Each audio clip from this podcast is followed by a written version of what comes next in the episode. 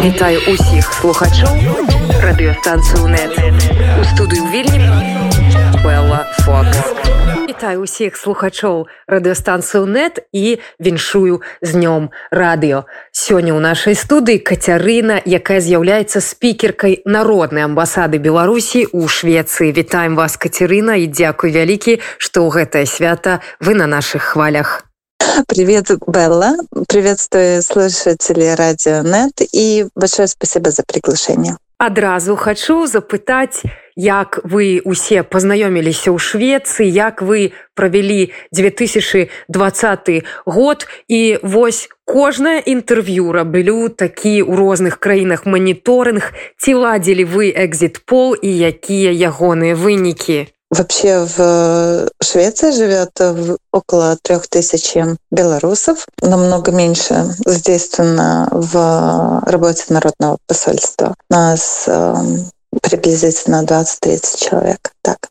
У нас начнем с того, что у нас же есть эм, наша организация «Белорусы Швеции», и народное посольство, оно открыто как э, под, эм, ну, внутри от эм, этого, внутри этой организации «Белорусы Швеции», да, то есть часть людей, которые, допустим, заняты в работе Беларуси, Швеции, есть часть людей, которые заняты в народном посольстве. Вот. То, как люди познакомились, основная, конечно, масса познакомилась на фоне событий прошлого года да, после фальсификации выборов люди приходили на митинги до, к посольству, белорусскому посольству в Стокгольме до выборов, во время выборов, ну и уже после выборов, естественно. И там э, люди в день самих выборов люди стояли очень долго, ждали результатов, и, конечно, они не, не только результатов, вообще просто чтобы зайти в само посольство и проголосовать. И, конечно, пока люди стояли часами на жаре, они общались, э, знакомились, и как бы кто-то рассказывал, кто выходит на митинги, кто дальше. И так, соответственно, начали выходить, начали э, выходить на митинги после выборов каждый день. И, соответственно, так и познакомились.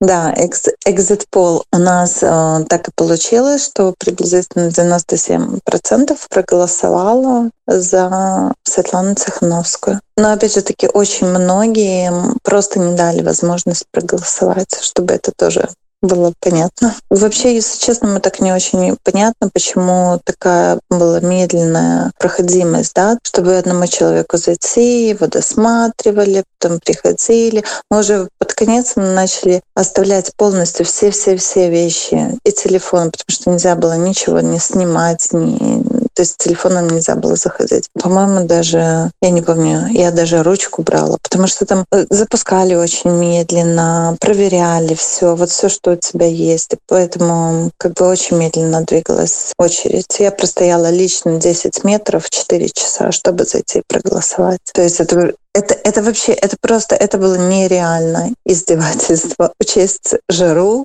и то есть, и вот все, как оно происходило Якое вось у вас стаўленне да руху беларусаў замежжа і да кангрэсу, які прывёў да стварэння народных амбасадаў? Конечно, я вообще считаю, что то, что белорусы всех стран объединились и координируют свою работу, да, деятельность за, э, э, за пределами Беларуси, да, то есть это, конечно, очень большой плюс, да, всего того, что произошло. Конечно, сама нация выросла как внутри, так и за пределами страны, да. Люди, которые жили много лет за границей, не знали друг друга, они теперь бы общаются. И, конечно же, в Швеции, вот если брать, у нас очень быстро и подхватились и сразу идею народных посольств, и у нас э, именно те люди, которые были заинтересованы сотрудничать э, в рамках работы народных посольств. Они в принципе так и продолжают эту э, свою работу. Иногда к нам подключаются новые люди, да, волонтеры, но в основном это уже какой-то устоявшийся состав. Да вас аднымі з першых потрапіла абраная лідарка Беларусі Светлана Тхановская. Традыцыйнае пытанне, як гэта было. Когда Светлана Цехновская приезжала сюда, в Стокгольм, у нас как раз ввели ограничения очень жесткие, несмотря на то, что Швеция одна из немногих стран, где очень слабые ограничения по поводу пандемии. И тогда было принято решение, что всего четыре человека может быть на физической встрече со Светланой Тихановской. Поэтому мы решили сделать э, такую своеобразную гибридную форму, да, то есть у нас было четыре человека от Рады, и у нас была основная часть Zoom встречи. Мы в комнате, нас было человек восемь, наверное, вместе со Светланой Цехновской. Остальные были на Зуме. Было очень, конечно, приятное впечатление от Светланы Георгиевны. Подарили ей куклу Пеппи Длинный Чулок. Самая сильная девочка на свете. Типично шведский, шведская кукла. Да. Сёння дзень радыё і таму хочацца запытаць не толькі пра радыё, а пра усялякія іншыя сМ ў Швецыі, што яны пішуць пра Беларусь. Ну, начнем с того, что да, шведские СМИ очень э, много освещают события в Беларуси.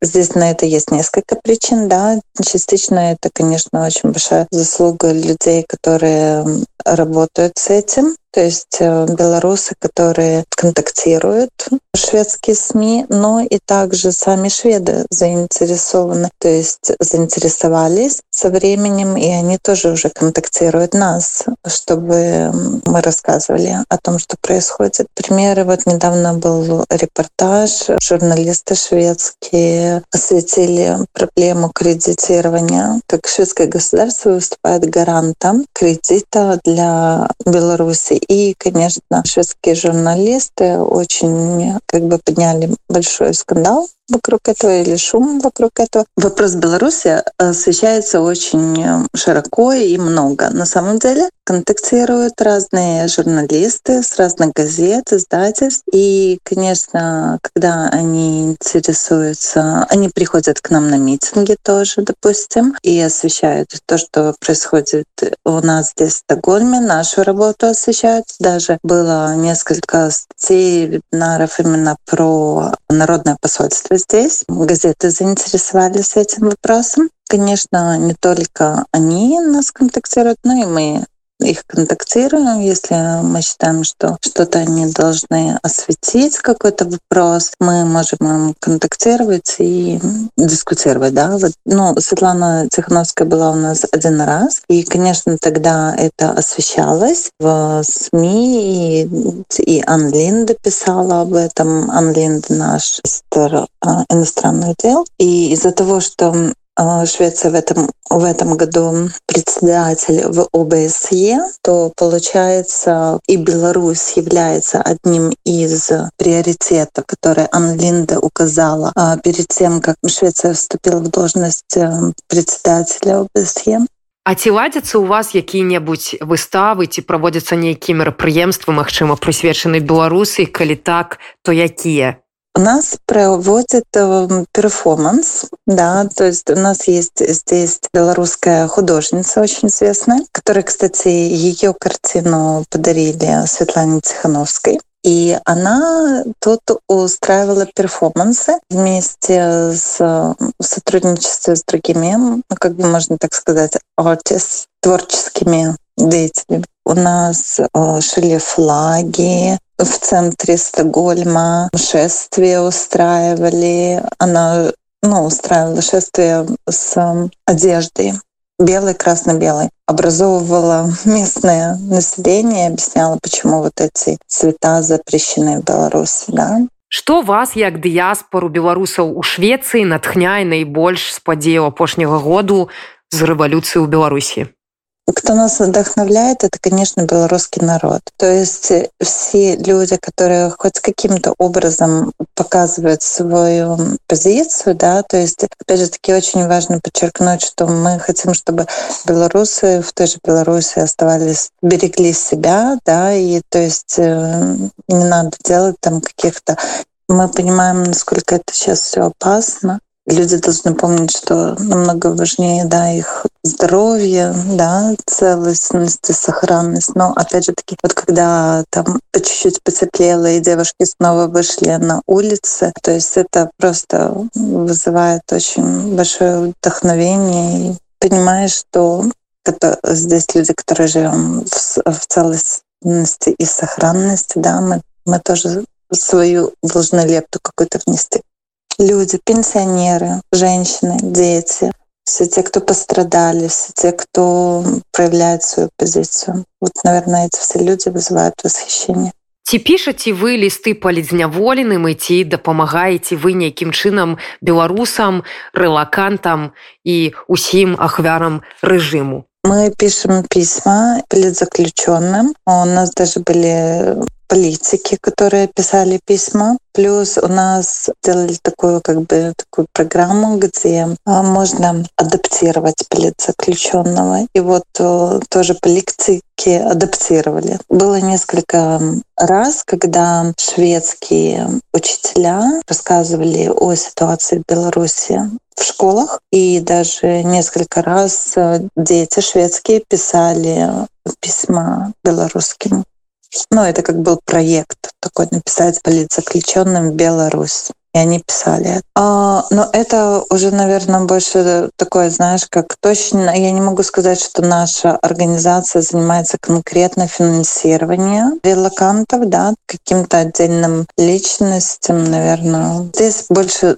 донатим на фонды, да, то есть by Soul, by Help, другие.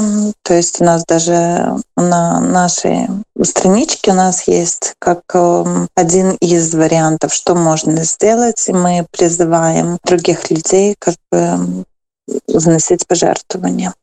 Кацярына мне цікава даведацца якім ты бачыш план перамогі ці згодная ты з палітыкай офісу Светланы ціхановскай які выступае за перамовы з рэжымам пад нейкай міжнароднай медыяцыі План победы, то есть я э, искренне верю в то, что все-таки победит здравый смысл. И что все-таки люди, белорусы в Беларуси, будут достойны той жизни, которую они хотят. То есть очевидно, что нас большинство, очевидно, что большинство людей хочет, чтобы нелегитимная власть покинула как я это вижу, конечно, мне очень сложно строить какой-то такой прогноз, как это произойдет. То есть э, предложение Светланы о переговорах — это, наверное, самый оптимальный вариант. Тут сложно говорить, потому что, конечно, сколько этих призывов о переговорах не было, да, понимаем, что никаких переговоров нет и со стороны власти, да, нелегитимной власти нет желания. Но, опять же таки, это один из, наверное, одна из форм мирной передачи власти. А уже, конечно, кто будет выступать медиатором, да, посредником в этих, а, в этом диалоге, в этой передаче власти. Мне кажется, то есть если, если бы пришел, произошел вот этот мирный переход от одного к другому, да, то есть от нелегитимной власти, ну хотя бы для начала к народу, да, или просто до момента перевыборов, то, наверное, это был бы самый оптимальный вариант для всех сторон, я думаю. Потому что, конечно, мирные протесты, они должны продолжаться быть мирные. Я не вижу другого пути. Што думаеш пра нашу невялікі вось такі крок, як падача іску ў нямецкую прокуратуру? Правонарушители должны нести ответственность за свои дела. То есть любой человек должен нести ответственность за то, что он делает. И неважно, да, то есть это президент или это обычный человек. То есть закон, он он писан для всех. Поэтому я лично считаю, что это очень правильный этап в развитии, да, то есть и, конечно, рада э, тому, что немецкий прокурор будет этим заниматься. Калі мы размаўляем пра парушэнні правоў чалавека ды гвалт на беларусі мне цікава даведацца што цябе уразіла найбольш меня конечно потрясла вот эта вся неимоверная жестокость жестокость есть не только со стороны нашего нелегитимного президента, но именно жестокость со стороны людей, исполняющих его приказы. Потому что одно дело, когда человек не может принять э, тот факт, что ему пора уходить, это одно. Но когда люди э, слепо исполняют э, приказы, которые очень жестокие приказы, то есть насилие, все то, которое мы видели после августа, то с каким остервенением мужчина, женщина, да, э, избивают своих же близких, а, вот это меня, наверное, потрясло. И то, что если люди думают, которые это делают, они думают, что это их не коснулось, коснулось их, их родственников, как, как угодно. То есть уже, мне кажется, нет такого человека в Беларуси, кого это не коснулось. Поэтому я считаю, что вот этот процесс, который иск, который был подан сейчас, это просто своеобразная расплата, которая нужная расплата за эти э, действия. Хочу задать маё наступнае пытанне гэта ці нейкія твои знаёмыя таксама зрабіліся ахвярамі режиму да пострадали то я даже не знаю как насколько я могу это рассказывать потому что я знаю что человек еще ожидает один ожидает еще решения то есть э, поэтому я не хочу ничего говорить. Другие у меня тоже у меня есть э, близкий человек, который пострадал. Достаточно хорошие знакомые, которые были вынуждены покинуть страну. То есть в этом случае, я считаю, это меньшим зл, злом, да, чем те люди, которые остаются там, выносят вот эти все унижения. Есть не один человек, и даже не два. Хто з беларускіх лідараў цябе натхняе найбольш і чаму Конечно, вот меня очень вдохновляет пример э, Марии Колесниковой. То есть для меня Мария Колесникова, я вообще, то есть когда смотрела и следила за тем, как она там жила, была и что она делала, она меня очень вдохновляла. Конечно, ее поступки, ее вот эта вечная улыбка и жизнерадостность, и оптимизм. То есть, наверное, ей вот прямо вот завтра сяду и напишу. А может, и сегодня письмо.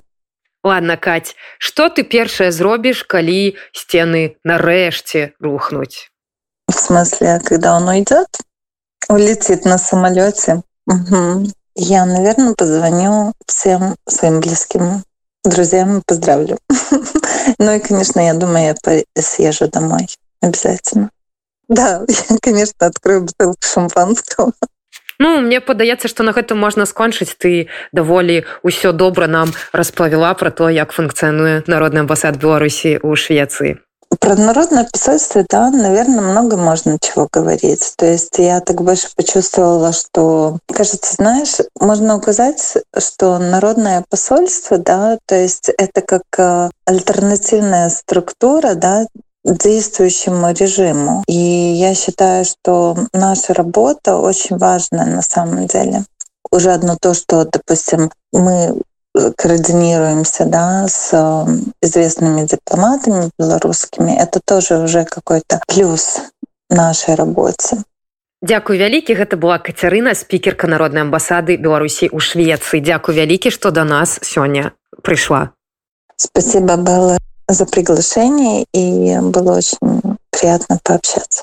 Жыве Беларусь